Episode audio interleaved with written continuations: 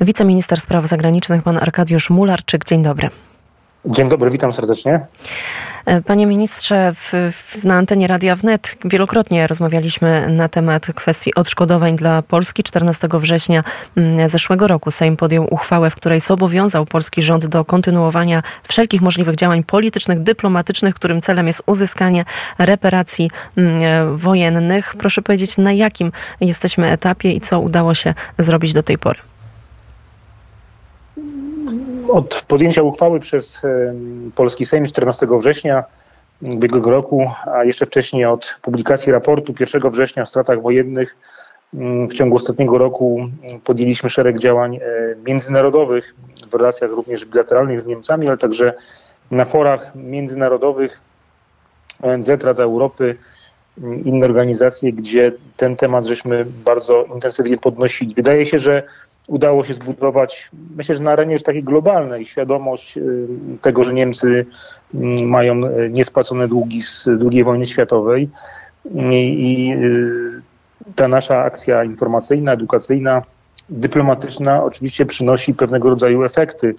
W Radzie Europy mamy projekt rezolucji Lorda Kina, który stwarzałby pewne koncepcje czy mechanizmy e, rozwiązywania sporów e, właśnie mm, zadawnionych, historycznych pomiędzy krajami, mm, ale również e, myślę, że ta świadomość jest tak duża, że mm, na, ta presja, którą wywieramy, również ona jest słyszalna w samych Niemczech, w Berlinie, bo to były dziesiątki spotkań z parlamentarzystami niemieckimi, ale również w niemieckim MSZ-cie więc ten temat w Niemczech jest dobrze znany. Niemcy oczywiście czekały na wybory w Polsce i ja e, głośno mówiłem, że jeśli PiS wygra wybory, to będzie realna szansa na e, uzyskanie w tej kadencji Sejmu po prostu konkretnych umów e, z Niemcami.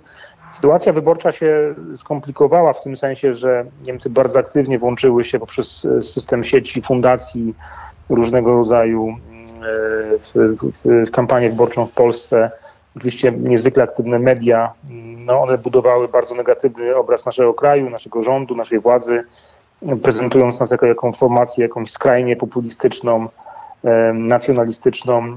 To niestety ten wizerunek e, miał negatywny wpływ na tendencje wyborcze i w kraju, za granicą, to trzeba sobie powiedzieć jasno. E, natomiast na dzień dzisiejszy e, chcę powiedzieć, że Będziemy ten temat kontynuować niezależnie od tego, czy będziemy w rządzie, czy będziemy w opozycji. Mm, będziemy ten temat kontynuować i chociażby w dzisiejszym właśnie mm, e, wysłałem listy do wszystkich parlamentarzystów nowej dziesiątej kadencji, senatorów jedenastej kadencji, właśnie z e, listy z raportem o stratach wojennych, mm, z tą wersją skróconą, ale jednocześnie informując parlamentarzystów, że została podjęta uchwała we wrześniu bieżącego ubiegłego roku, ale również w 2004 roku, gdzie e, Sejm e, Rzeczypospolitej Polskiej wezwał rząd Niemiec do jednoznacznego przyjęcia politycznej, politycznej odpowiedzialności mm, e, i finansowej za wszystkie skutki II wojny światowej. Więc tutaj jakby chcemy kontynuować tą presję polityczną, dyplomatyczną, ale również kampanię informacyjną mm, w kolejnej kadencji Sejmu i niezależnie od tego, czy będziemy mm, rządzić, czy współrządzić, czy też będziemy w opozycji, ten temat absolutnie z agendy politycznej Polski nie zniknie.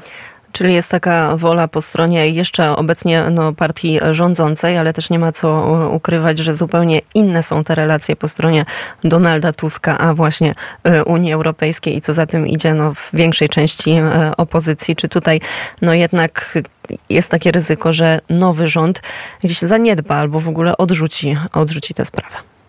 Oczywiście takie zagrożenie istnieje, ale również istnieje zagrożenie takie, że dojdzie do jakiegoś pozornego porozumienia, gdzie za e, jakieś stosunkowo niewielkie koncesje, no nie wiem, załóżmy jakieś niewielkie środki e, na budowę Pałacu Saskiego, czy też powiedzmy jakieś niewielkie świadczenia dla jeszcze żyjącej grupki osób e, ocalałych z II wojny światowej.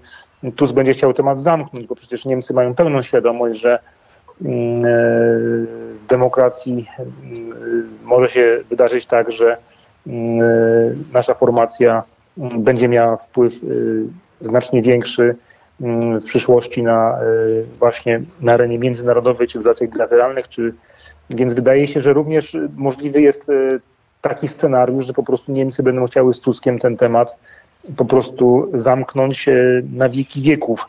Mm, myślę, że też to do końca nie będzie możliwe, dlatego że jednak tego typu kwestia wymagałaby jednak konsensusu politycznego zarówno w, w, parlamencie, pewnej zgody parlamentu, ale również y, wydaje mi się, że prezydent Andrzeja Dudy, bo przecież ta problematyka należy absolutnie do jednych z najważniejszych elementów y, polityki zagranicznej e, i myślę, że te kwestie powinny być jednak uzgodnione, potencjalne kwestie powinny być uzgodnione z panem prezydentem.